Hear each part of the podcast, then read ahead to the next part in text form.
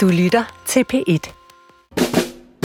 Mads, så skal jeg lige høre dig om en ting. Kunne du tænke dig, at det var Vicky, der startede programmet i dag, eller mig, der startede programmet i dag? Du ved, der er altid sådan en stemme i sådan et program, der siger, øh, du lytter til Vildt Naturligt på P1, din hverdag og sådan noget. Ja, ja, men altså, øh, det får du lov til, så, Johan. Det er så unfair.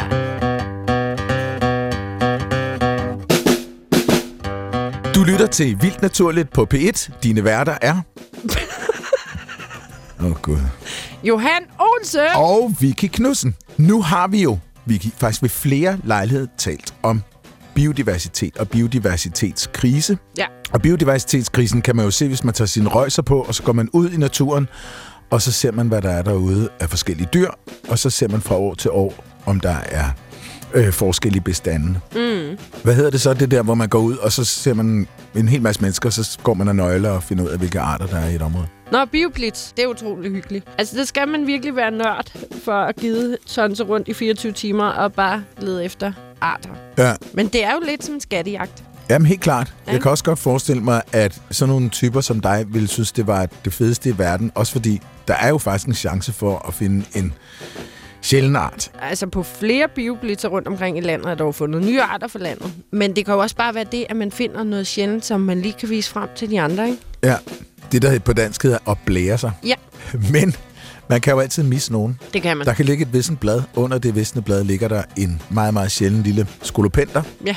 og øh, man opdager den ikke. Der er ingen tvivl om, du har ret i, at man overser noget. Nu ligger det sådan, at en af de største revolutioner inden for det at kunne måle biodiversiteten i et, i et område er indtruffet. Og til at fortælle os om, om denne her revolution, så har vi øh, været så utrolig heldige mm-hmm. at få besøg af Mads Reinholdt Jensen fra Aarhus Universitets Institut for Biologi, afdelingen for genetik, økologi og evolution. Velkommen til, Mads. Tak for det. Mads, du har kigget på økosystemer på en fuldstændig ny og anderledes måde. Faktisk en måde, hvor det egentlig ikke er specielt nødvendigt, at du kender alle de her tusindvis af arter, der kunne være i sådan et system, men at du simpelthen kigger på det på en radikal ny måde. Kan du ikke forklare, hvad det er, du gør? Jo, altså det vi arbejder med, det kaldes jo environmental DNA eller miljø-DNA på dansk. Og øh, konceptet er sådan set bare det, at de dyr og planter og svampe og bakterier, der nu lever ude i vores miljøer, de øh, udskiller DNA til miljøet, de befinder sig i. Når du siger udskiller, mm. så er det ikke noget, de gør med vilje, vel?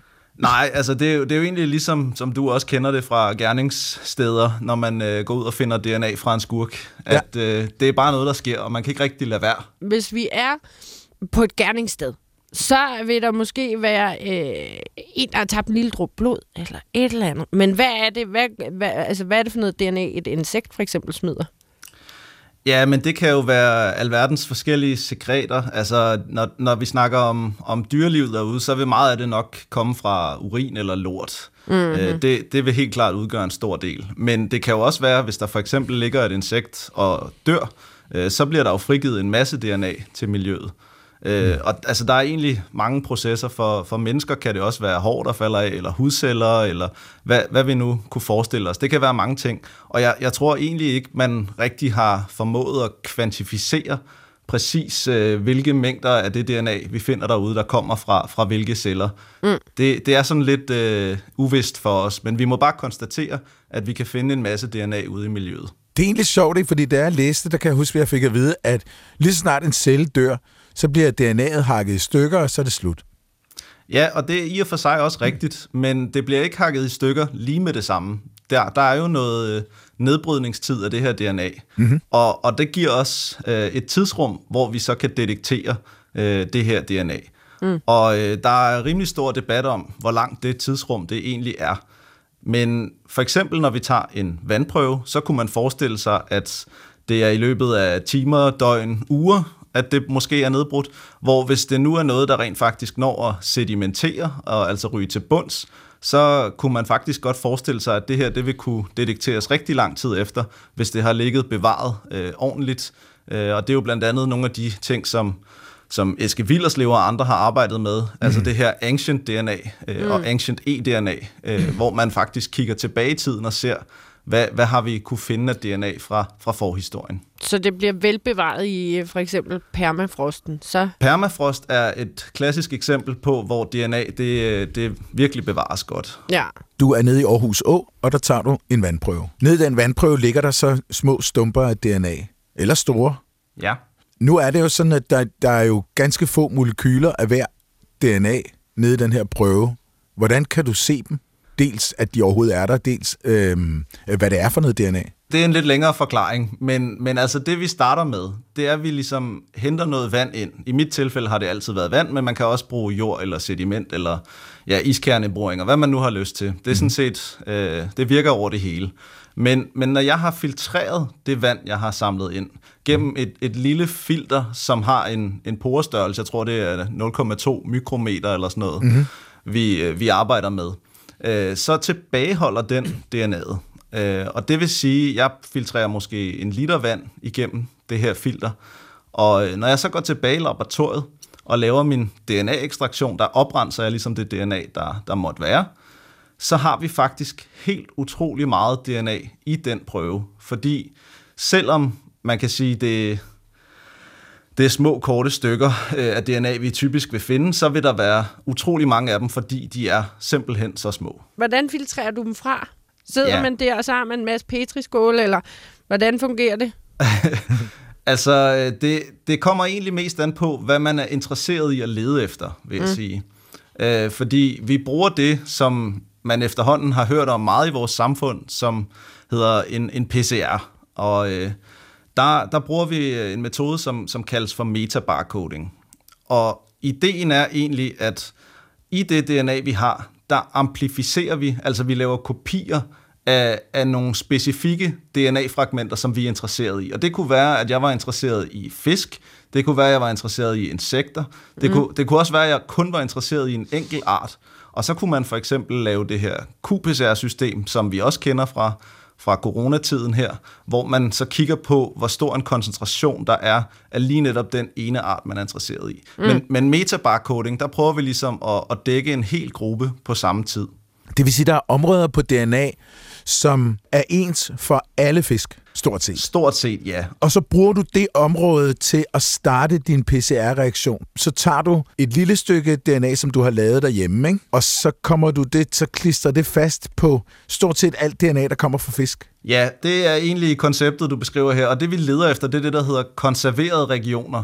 Så, så det vil sige, at vi skal finde et sted, hvor alle fiskene de er identiske i deres DNA. Og Vi skal faktisk finde to steder, for vi skal både have en forward og en reverse primer. Ja. Og så vil der være et stykke af DNA imellem de to primer, hvor fiskene så har noget forskelligt DNA. Og det er det, der gør, at vi også kan kende forskel på, hvilke arter det er, altså er vi finder her i, i vandet. Ikke? Fandme genialt.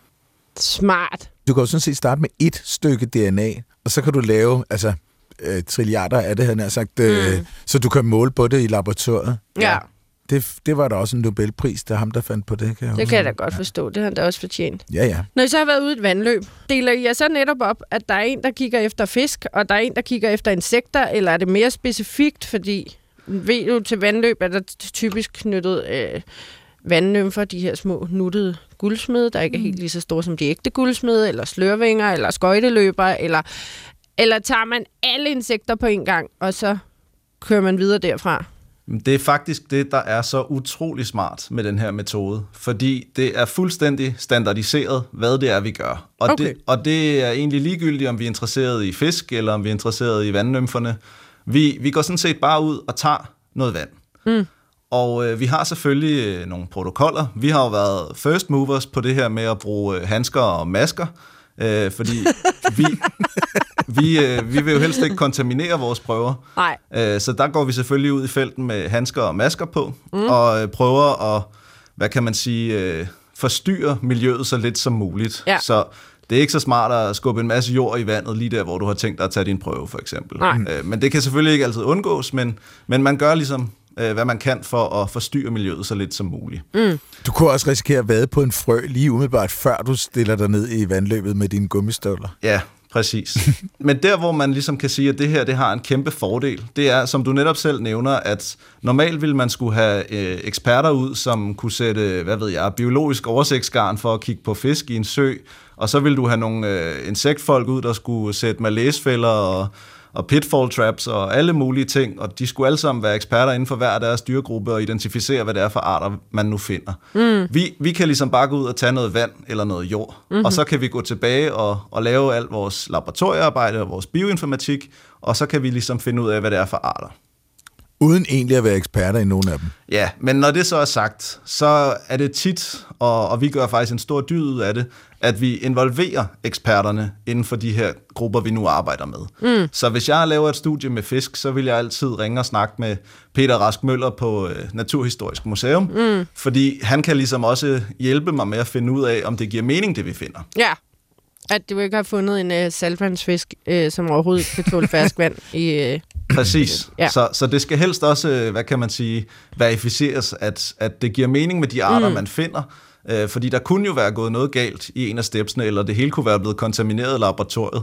Og, og hvis, hvis jeg nu ikke aner noget som helst om fisk, så kunne jeg hurtigt øh, drage nogle forkerte konklusioner ud fra sådan et, et kontamineret datasæt. Ikke? Ja. Mm-hmm.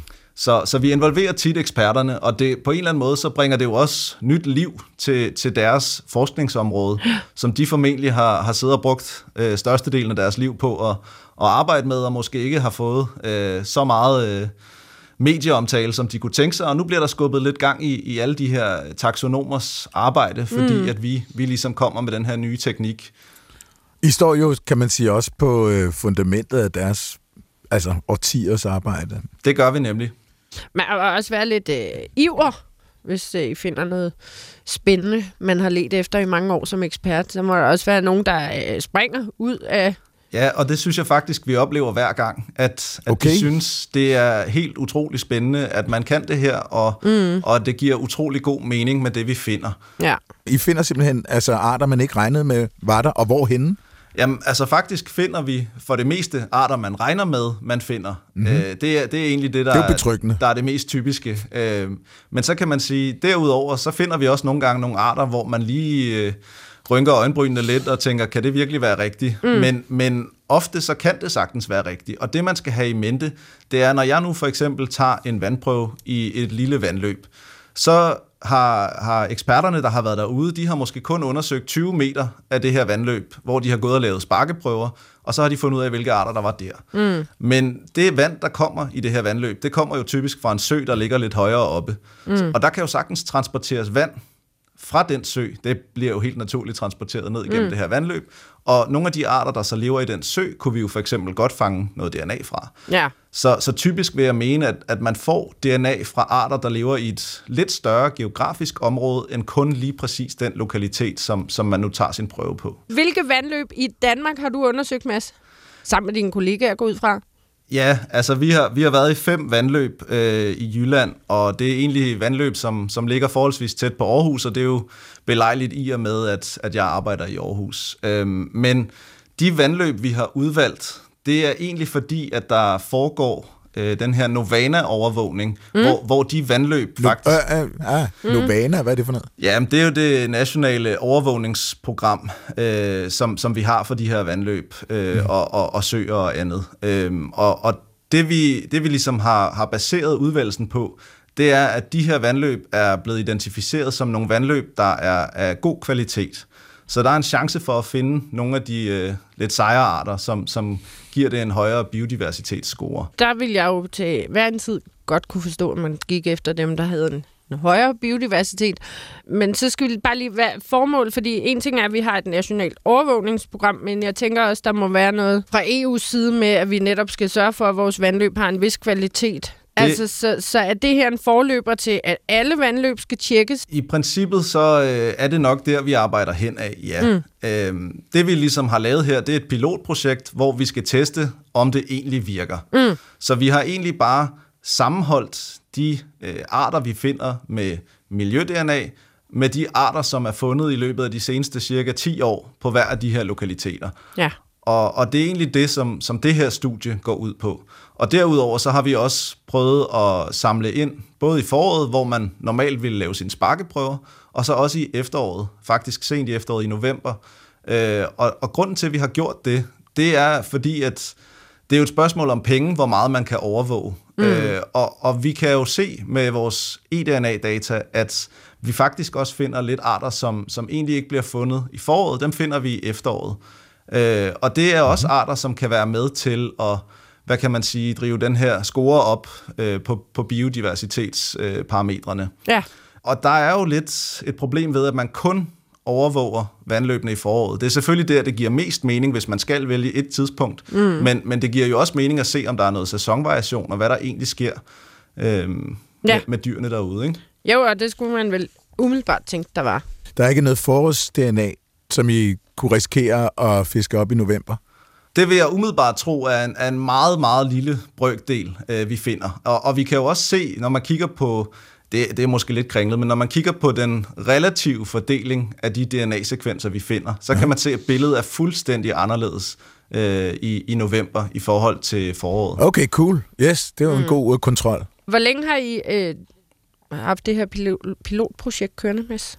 Jamen altså, det var jo en af mine phd projekter så jeg tror, vi startede det i, ja, hvad har det været, i 2019, og øh, så har vi kørt både maj måned og november måned i 2019. Og så har jeg jo så øh, skulle bruge en stor del af min tid på at, at lære de her metoder, man laver inden for bioinformatikken, hvor mm. man skal sidde og finde hoved og hale i de her DNA-sekvenser. Mm. Og det er jo så øh, det er kommet ud i 2021. Mm. Johan, tilbage til det, du egentlig var inde på før. Ja, okay. Lad okay. os høre det, Mads. Hvad du har fundet af sjove ting. Hvis du ikke blærer dig over, at der muligvis er 12 nye arter for landet i jeres prøver, så bliver du nødt til at starte forfra. ja, altså, jeg må jo ærligt indrømme først og fremmest, at jeg er på ingen måde entomolog. Uh, så, så det her med, med alle de sjove insektarter, det, det kender jeg altså ikke så meget til. uh, jeg er mere typen, der sidder bag en computerskærm og analyserer de her DNA-sekvenser, og så får jeg eksperthjælpen til at, at finde ud af, om det så giver mening med de arter, der bliver fundet. Mm.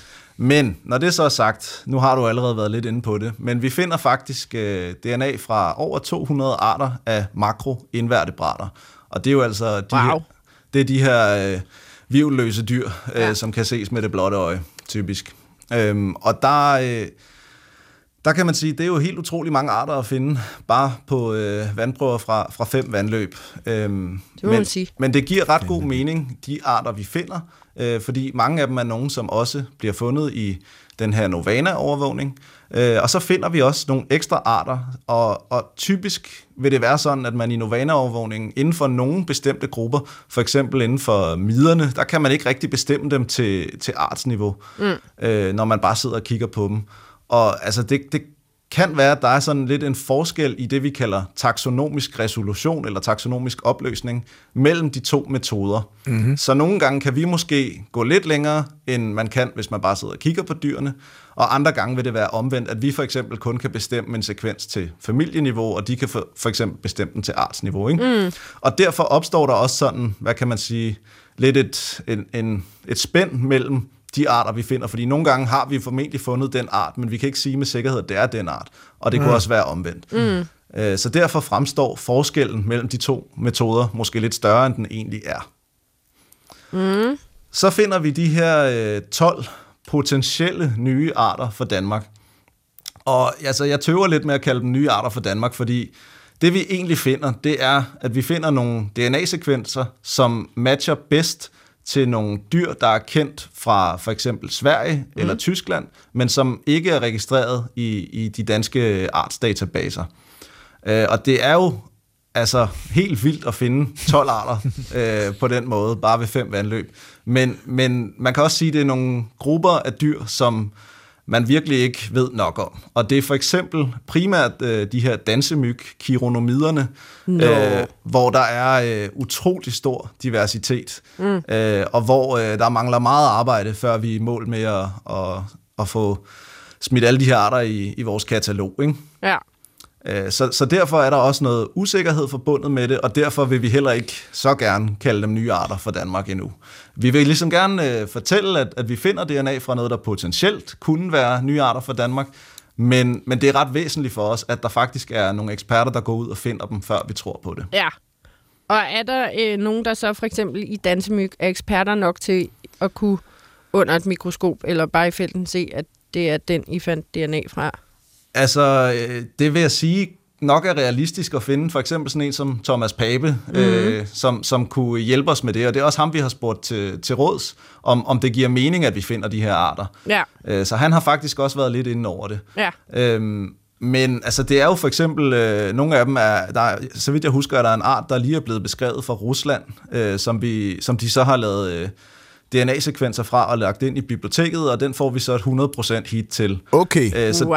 så det, det kunne jo godt være, at det er en art i, i Rusland, som findes også i Danmark, men som, som man bare ikke har haft kendskab til. Mm. Og den er helt nybeskrevet, ikke? Og det kan Ja, også og- godt være, at den ikke er blevet opdaget som en egen art. Altså, der, der. Ja. er jo nogle, øh, der er jo nogle dyr, og sikkert også planter, men jeg kender der eksempler på dyr, hvor de ser fuldstændig ens ud.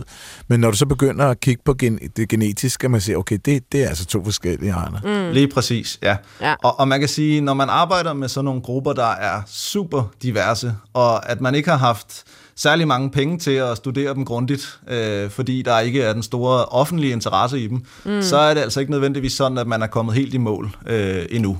Så, så der, er- der kan man sige, det, det er super spændende, at vi øh, finder de her potentielle nye arter, men, men altså, det, er også, det giver mening, fordi at det er en gruppe, hvor, hvor man ikke ved nok.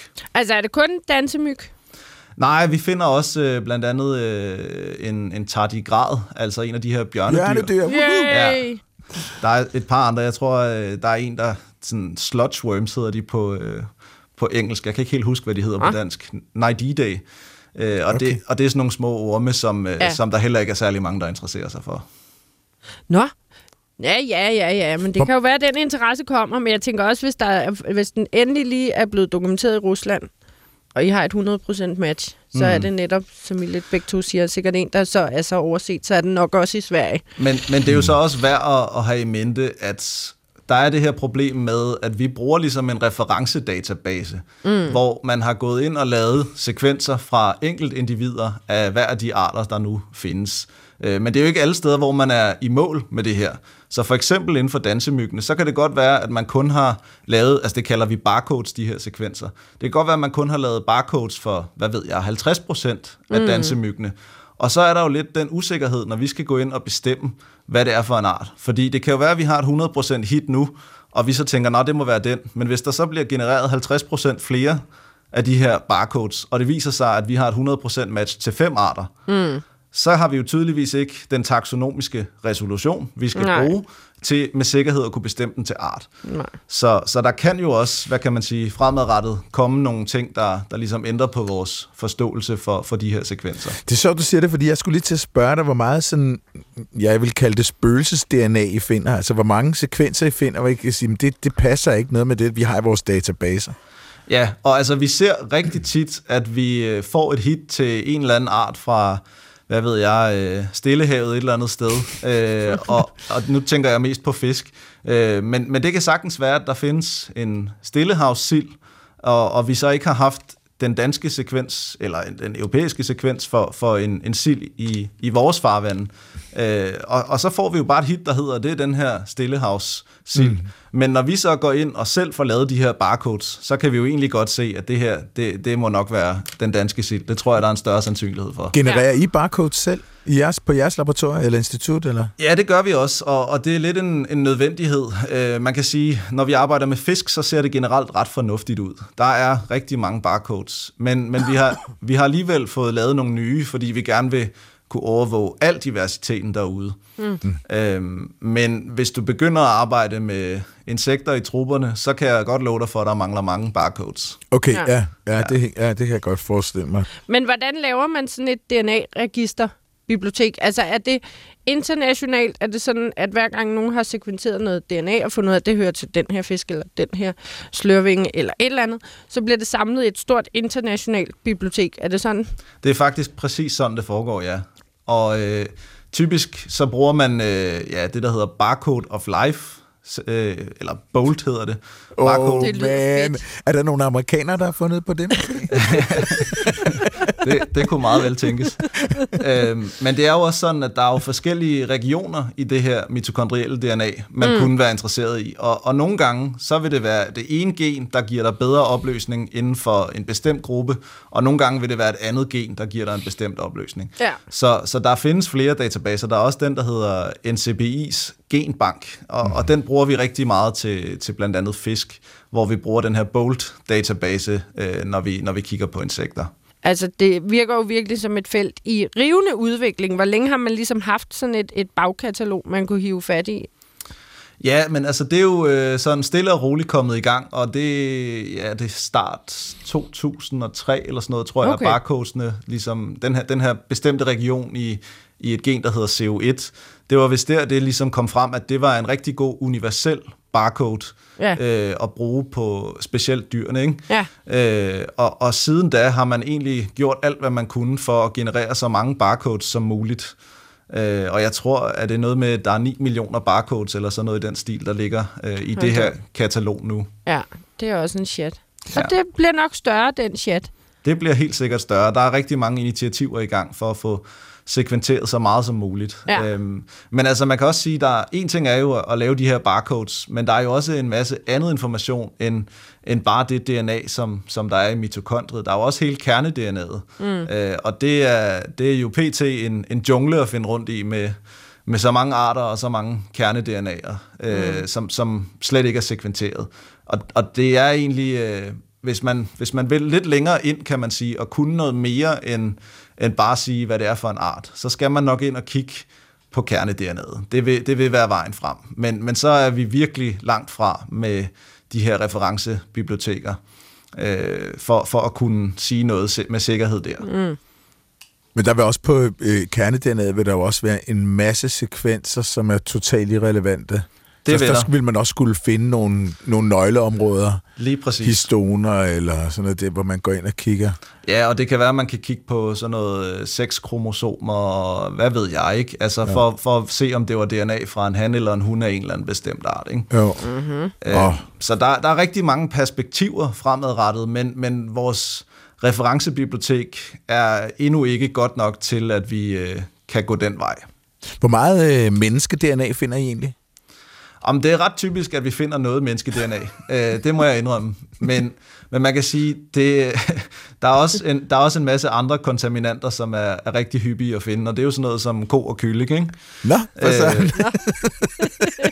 ja, det kan jeg forestille mig. Svin vel også? Ja, svin også. Altså sådan madvarer øh, kan, man, kan man tit forestille sig at finde. Men hvis man tænker over det, altså det er jo også mange af de her ting, det kan jo være, der ligger noget skrald på stranden, og der var nogen, der ikke havde spist øh, deres mad færdig, og så var det røget i vandet, og så kommer der jo også noget DNA ud, ikke? Jo. Altså, det, der kan være mange årsager til det, men, men det kan jo også være, at jeg har spist kylling til frokost, og øh, så finder jeg kylling i mine sekvenser, ikke? Ja. Jo. Men, men altså, u- uanset hvad, så kan man sige, at vi gør alt, hvad vi kan for at minimere det her. Mm. Øhm, og, og det, det er en væsentlig ting, og vi har jo også sådan et, et clean lab, altså et rent laboratorium, eller hvad man skal kalde det på dansk, hvor, øh, hvor vi ligesom har nogle standarder, som, som vi skal sørge for at opretholde. Ikke? Mm.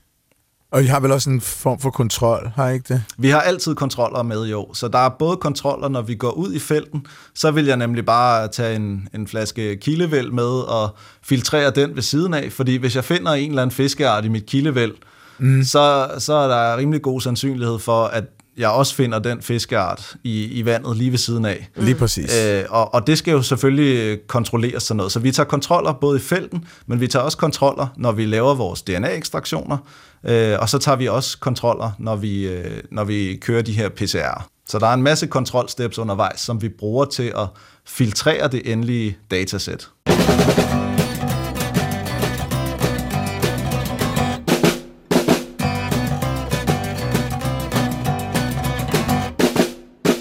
Du lytter til Vildt Naturligt på P1. Det er nemlig Mads Reinholdt Jensen, der fortæller os mange spændende ting om miljø-DNA. Jeg vil bare snige ind, om lige skulle have en lille gættelyd. God, god idé. ja, bare gættelyd. Gættelyd var god. En lille gættelyd. Så kommer lyden her.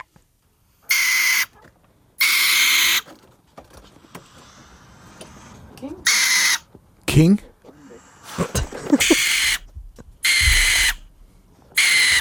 Okay, det er den der lyd, man, hvis man bor i lejlighed, så pludselig hører man den indenfra ved siden af, så tænker man, hvad fanden laver de derinde? Og så er det i virkeligheden bare sådan en lille håndboremaskine, hvor de er ved at, eller sådan en, hvor de er ved at skrue søm i, eller sådan ting. Ja, Ja. en lille Eller ikke søm i skruer i, selvfølgelig. Wow. Ja, men det er okay, Johan. Ja. Ja, en lille mini-boremaskine. Ja, ja det vil jeg det, sige. det, der slår dig først. Ja, Ja, det er det. Nå, men vi må jo ikke byde ind endnu. må jo ikke byde endnu. Mads. Nej, Mads, har du nogen... Nej, jeg Er der har, noget, der... jeg har faktisk ingen idé. Godt så.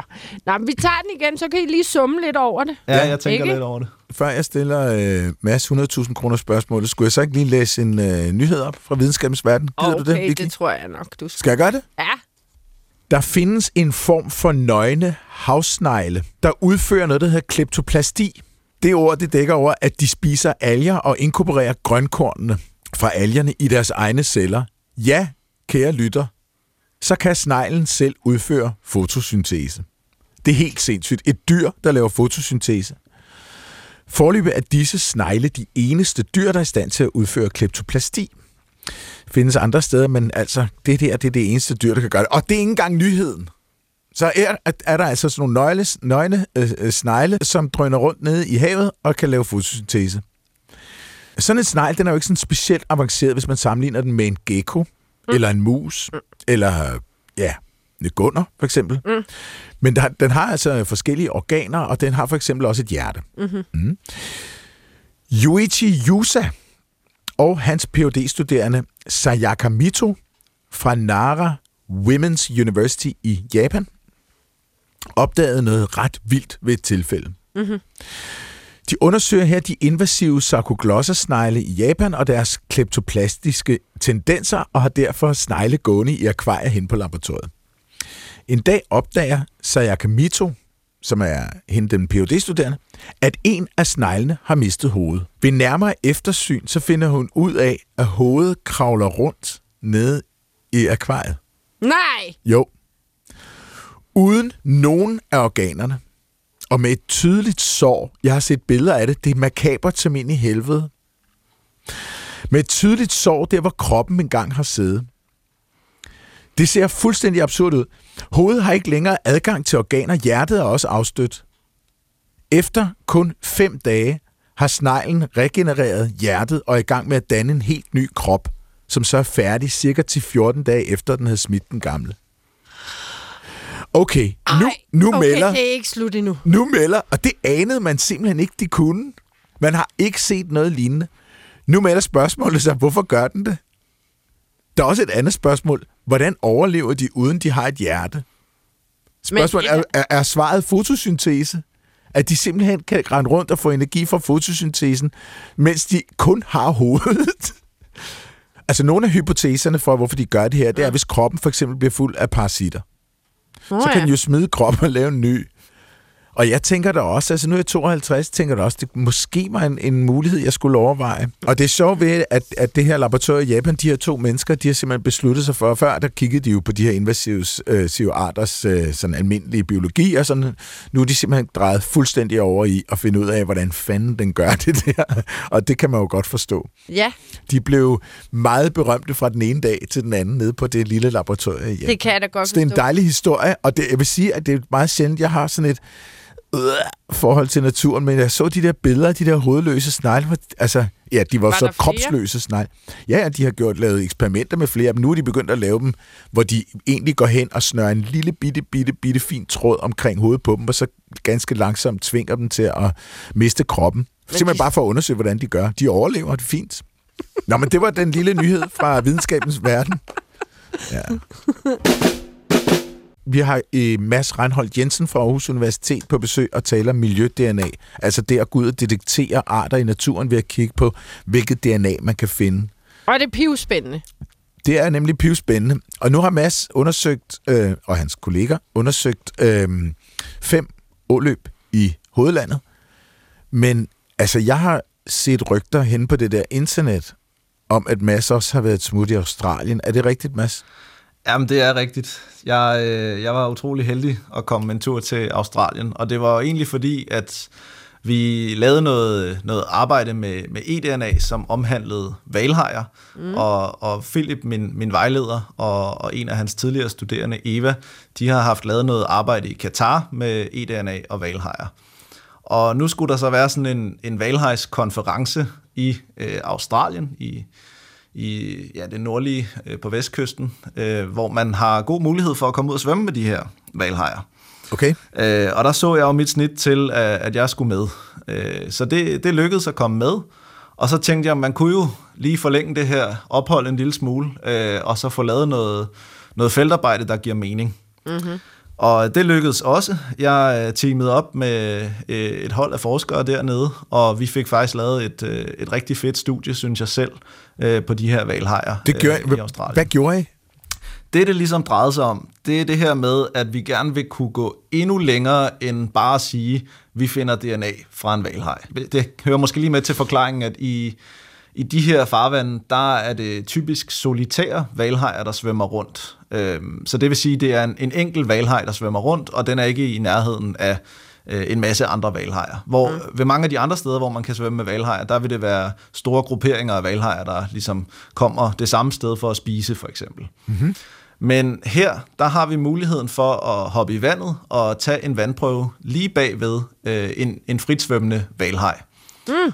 Og det, der ligesom var formålet med det her studie, det var at se, øh, om, om det DNA, vi så finder fra valhaj i, i den her prøve, om det passer til lige præcis den valhaj, der svømmede foran os, eller om det bare generelt er valhajs DNA, fordi der også er andre valhajer i, i området. Så det vi rent faktisk fandt ud af, det var, at i 28 ud af 28 tilfælde, der, øh, der var det den samme haplotype, som det hedder, øh, vi fandt ved at tage en vandprøve bag valhajen, som ved at tage en vævsprøve fra valhajen. Så det okay. er ligesom det, vi bruger til at verificere, mm. øh, at det er den valhaj, DNA'et kommer Hvordan tog I en vævsprøve? Ja, så proceduren var den, at øh, vi først svømmede bag dem og tog den her vandprøve, øh, og de skulle i øvrigt også tage nogle andre øh, nogle kamerabilleder, fordi de skulle genkende de her prikker, de har, til at ligesom ja. genkende individerne. Øh, og så til allersidst, så var der en anden af svømmerne, som tog øh, sit, sit spyd frem, eller sådan en, en harpun, der lige klipper... Øh, en lille lunds kød af, øh, ah. og den, den stak han så ind i valhajen oh. og, og tog sådan en vævsprøve. Så det var et meget lille bit, bit, Hvor bit stykke. gøre det, ja, det er sådan en kubikcentimeter maksimum for Satan.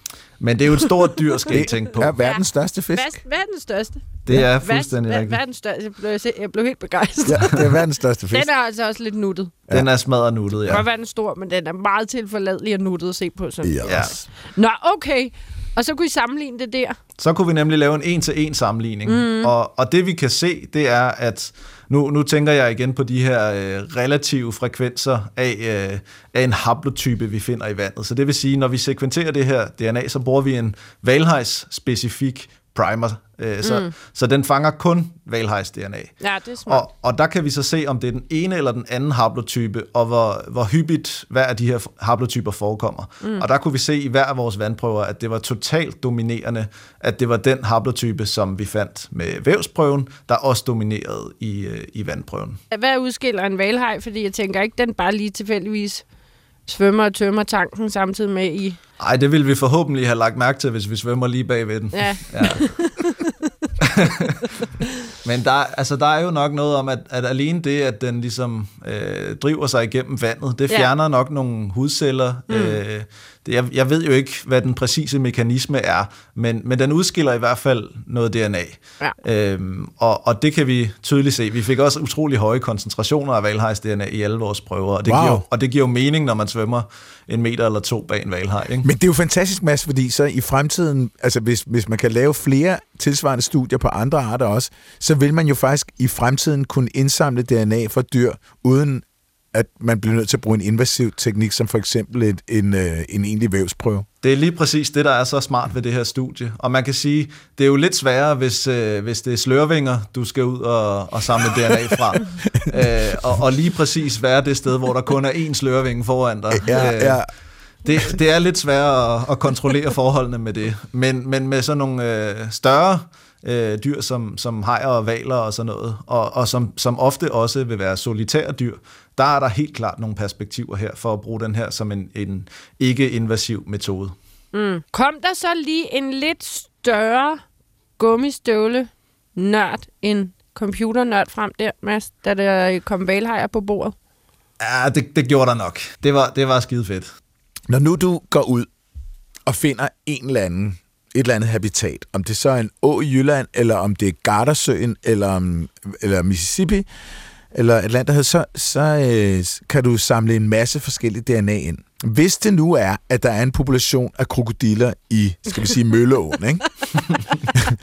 så, og som ingen har opdaget, så, øh, så øh, kan, kan jeg så øh, regne med, at du ville finde dem? Vil du have primer med, der kunne detektere krokodiller?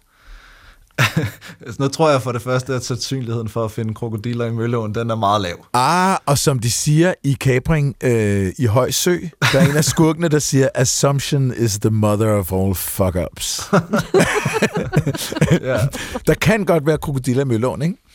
Jo. Og øh, så tænker jeg, at vil du, øh, bruger, man, bruger du konsekvent det største primer-bibliotek, du har, eller vælger du de primer ud, som, som, hvor du regner med, at det er nok det her, vi finder?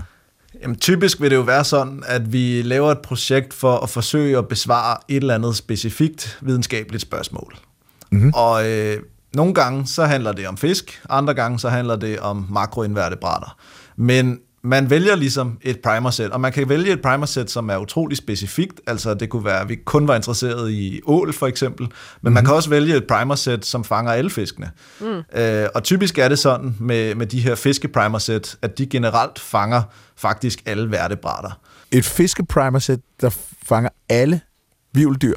Ja. Også mus? Ja. Så vi ser faktisk, og det er jo også, altså selvom vi bruger fiskeprimer, så får vi jo netop også ko og kylling og sådan noget. Okay.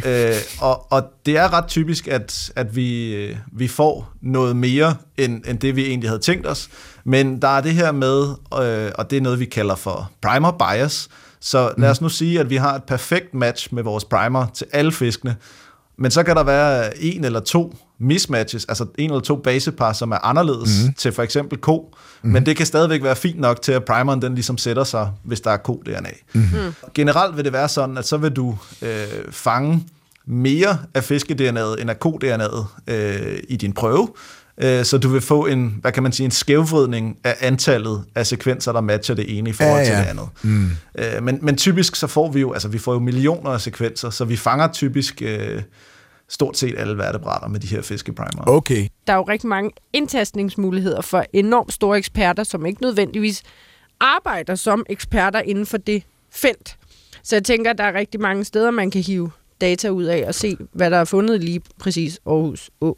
Og det er fuldstændig rigtigt. Altså, øh, vi kunne også have valgt at gå ind og bruge øh, sådan noget som iNaturalist eller mm. Naturbasen eller sådan nogle ting øh, til, til ligesom videre at bekræfte. Men det, der er helt unikt her, det er, at vi ved præcis, hvilke 20 meter af det her vandløb, Ja. som de har været ude i, i Novana-overvågningen og, og, og hente dyrene fra. Øh, så vi kan gå præcis det samme sted hen øh, og vide, at det er lige her, de har taget deres prøve. Øh, og, så, og så ved vi jo øh, med det her, at, at der har været nogle eksperter, der har siddet og bestemt de her dyr, hvor nogle gange, så kan man jo også komme ud for, at der er nogen, der har sat et artsnavn på, på noget og lagt det på iNaturalist eller Naturbasen, som måske ikke helt passer. Ja, okay. Jeg ved for eksempel, der er lavet et studie for nylig i, i Australien, hvor de øh, sammenligner med, med hvad hedder sådan noget, øh, sociale medier og, og de fiskebilleder, der er blevet lagt op. Og der finder man faktisk en utrolig god sammenhæng med de arter, man finder med, med eDNA, og de arter, man, man kan se, at folk har fundet, når de har taget billeder, når de har været ude at dykke og snorkle og sådan noget. Nå, hvor sjovt. Citizen Science, hva'? Citizen Science, Ja. vi elsker det. Ja, vi elsker det. Vi vil med det. Ja. Øh, men Mads, når nu det her eDNA og det her store DNA-registerbibliotek vinder mere og mere frem, og det er jo, lad os bare være ærlige, skidesmart. Jeg bliver nødt til at spørge dig, Mads. Uddør gummistøvlebiologen på et tidspunkt? Ej, jeg tror ikke, gummistøvlebiologen er, er i fare lige forløbig. Øh, det, må, det må jeg ærligt indrømme. Øh, faktisk så vil jeg næsten sige, at øh, når de nu alligevel skal en tur i felten, så kan de jo passende tage nogle filtre med og tage nogle vandprøver til os. øh, fordi det kunne vi godt bruge en masse Slipper for nogensinde at komme uden for en bygning igen. Så, så det kan være, at de skal fokusere lidt mere på at samle vand, i stedet for at samle Men men det- dyr, men de skal stadig i felten. Det, Mads, det der er jo fantastisk øh, god besked. Altså, jeg vil jeg regne med, at inden for få år, så er det virkelighed. Altså, Ja. du, du kan jo ikke tage dig af alle biologers øh, vandprøver, men det, det vil da være fantastisk, når, når de mennesker er ude alligevel. Så tager vi lige en vandprøve ind.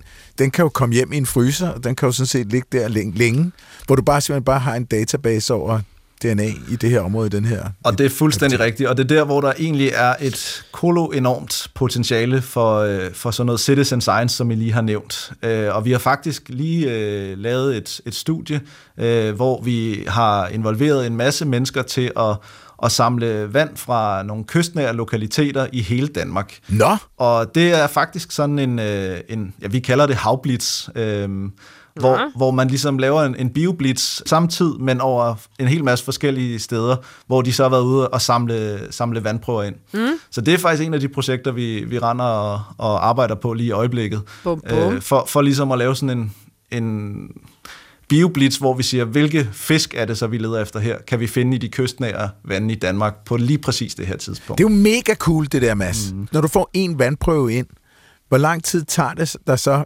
før du har resultatet fra øh, dine sekvenssammenligninger? Altså typisk vil jeg sige, at øh, hvis vi har taget, øh, lad os sige, 100 prøver, så er der måske en måned eller halvanden slaparbejde, og, og derefter så skal man jo have det sekventeret, og det har vi outsourcet, og okay. så, så kan der gå ja, en måned eller fem uger, før vi får data, og så skal det jo så behandles. Aha. Så, så hvad er det samlet en 4-5 måneder eller sådan noget, man, Okay. man kan, kan processere det Det er jo også på. noget. Det tager noget tid, det er der ingen tvivl om. Er det dyrt at få sekventeret? Altså både ja og nej. Øh, det bliver utrolig meget billigere hele tiden, og det giver okay. mere og mere mening, og jo mere du opskalerer antal prøver, jo, jo bedre kan det svare sig. Mm. Øh, fordi en stor del af, af, af det, man betaler for, det er jo også, hvis jeg nu skal starte et nyt projekt, så skal jeg købe alle primerne hjem til at lave det her. Men ja. hvis jeg så laver et projekt bagefter, hvor jeg kan bruge de samme primer, ja. så har jeg jo primerne i forvejen. Ja. Øh, så der, der er en stor pris for opstarten, men når du først er oppe og køre, så, så er det faktisk okay. Så kører det. Ja. Hold da Så- kæft, det er jo et kolossalt stykke. Altså, du står jo... Det er jo fascinerende, når man møder videnskabsfolk, der står ligesom altså på en nærmest helt nyfalden sne. det er jo ret, det er jo, det er jo kolossalt. Du kan jo bare gå i gang, havde jeg nær sagt. Ja, simpelthen. Det er Hvad laver jeg her? Det Simpelthen. er et virkelig, virkelig fedt projekt, det der. Bare lige for at få på plads til sidst her, når nu det her bliver udbredt over hele landet, og I for eksempel skal til Bornholm, som har nogle virkelig spændende åer og vandløb med nogle virkelig spændende dyr og sådan noget, ikke? så kan man lige pludselig undersøge den økologiske tilstand Ja, øh, ved at måle på alle de her organismer, der findes i vandløbene. Og det måler man jo tit lidt ud fra et indeks. yes. Men kan du ikke lige forklare, hvad det egentlig er for et indeks? Altså er det et, nå, så har vi 0 til 10, og 10 er det fedeste, og 0, så er der ikke et levende væsen i det her. og hvad stiler man efter, at, at vandløbene skal have generelt? Ja, altså det er sådan, at øh, vi har det indeks, der hedder DVFI, eller Dansk Vandløbsfauna Index. Mm-hmm. Øh, og det er, det er et af, af flere indeks, man, man bruger til at, at bedømme det her vandløb. Øhm, og, og i forhold til dyrene, så, så giver man dem ligesom en score fra 1 til 7. Øh, og 7 vil være den bedste kvalitet, og 1 vil være den dårligste kvalitet. Med andre ord, syv er, er de mest kredsende og krævende dyr, og et af de dyr, der nærmest kan leve overalt. Ja. Ja. Ja, og der, der vil være nogle øh, indikatorarter, som enten tæller op eller tæller ned. Mm. Øh, og så når man ligesom har artslisten over, hvad der er blevet fundet, øh, med, en, med en helt standardiseret øh, indsamling, så kan man ligesom øh, give det her vandløb en karakter. Ja. Og, og i forhold til EU-lovgivningen, så skal vi jo faktisk op og have en god tilstand øh, på samtlige af vores vandløb. Okay. Så det, det er ligesom det, man sigter efter. Jeg mener, det er 2027, at vi skal være i mål med det her. Ja. Øh, og det er jo så også noget, der skal, der skal overvåges øh, efter 2027. Mm.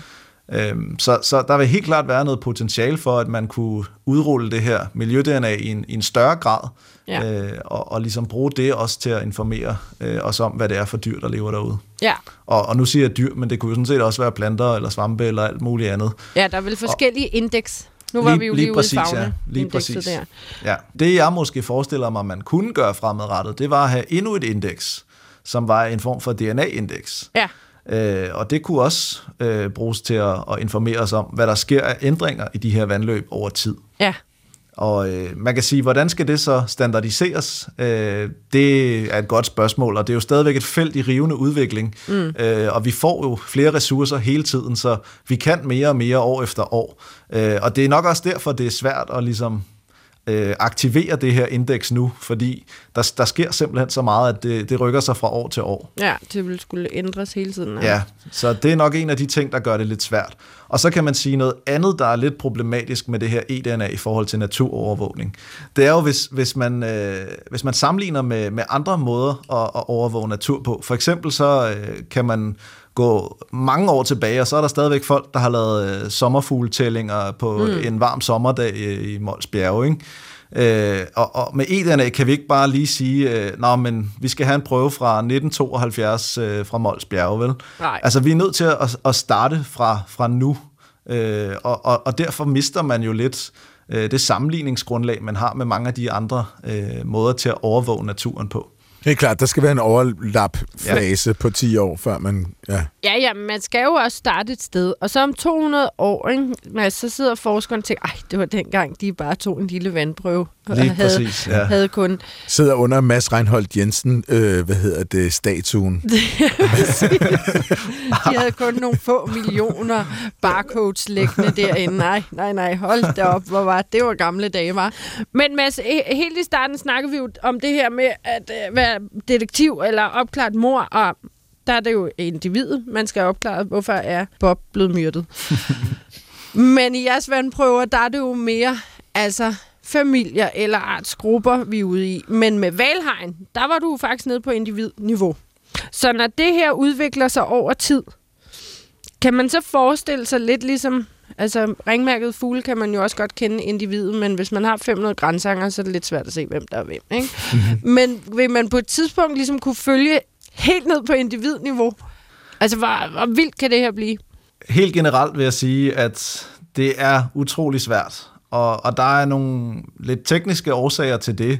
Øh, typisk vil man jo bruge det, der hedder mikrosatellitter, til at, at identificere individer i sådan nogle kriminalsager. Mm. Øhm, vores problem er lidt, at de her mikrosatellitter, de sidder forskellige steder i, i kerne-DNA'et.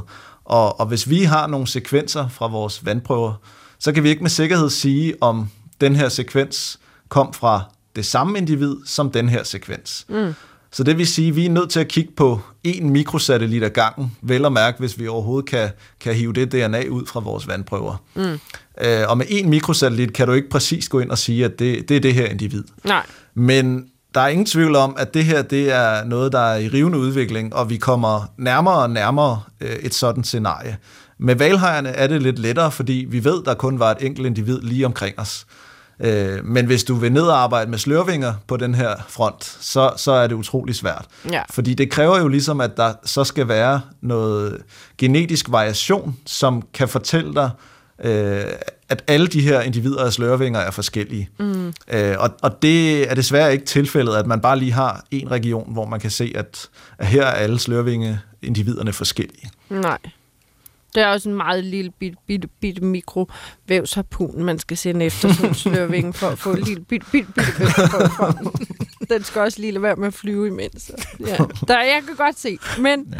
nå, men vi ser, hvordan det, øh, hvor, hvor langt de er nået om 200 år, når de sidder under statuen af dig, Mads. Jamen, det glæder jeg mig til. Det har i hvert fald været sindssygt spændende. Det har været Og rigtig hyggeligt at være her. Før vi siger farvel til Mads, så bliver jeg nødt til at høre hvad det, den der lyd igen. Ja, som om jeg kunne finde på at glemme det. Nej, nej, men du... Det er jo en helt genial lyd.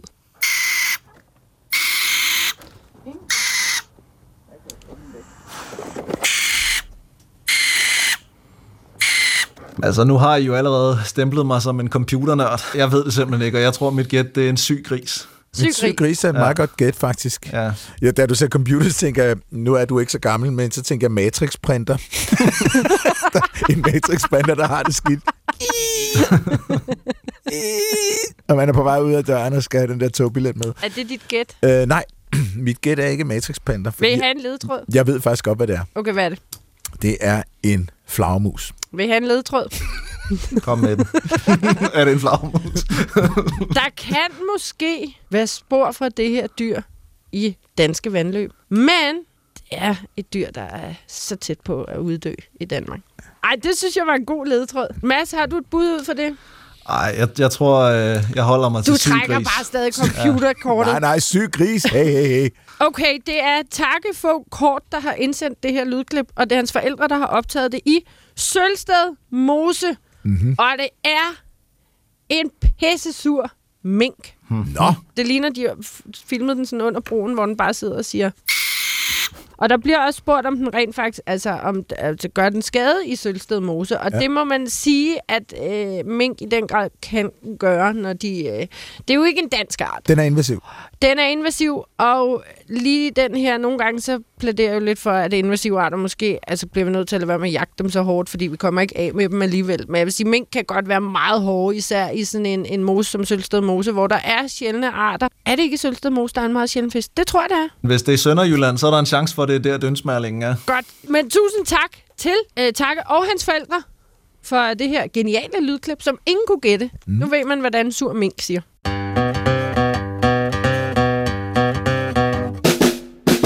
Så er der ikke andet end at sige tak for i dag. Tusind tak, Mads Reinholdt Jensen, Aarhus Universitets Institut for Biologi, for at fortælle os om miljø-DNA. Tusind tak, fordi du tog dig tid til at være med. Ja, selv tak. Det var sjovt at være med.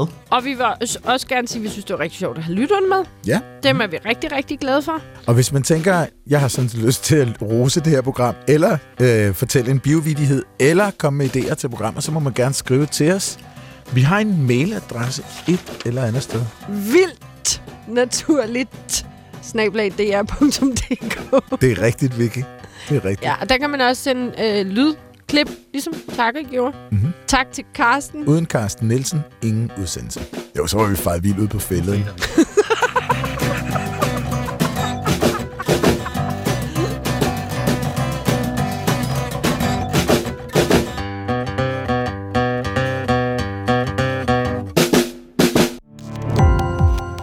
Gå på opdagelse i alle DR's podcast og radioprogrammer. i appen DR Lyd.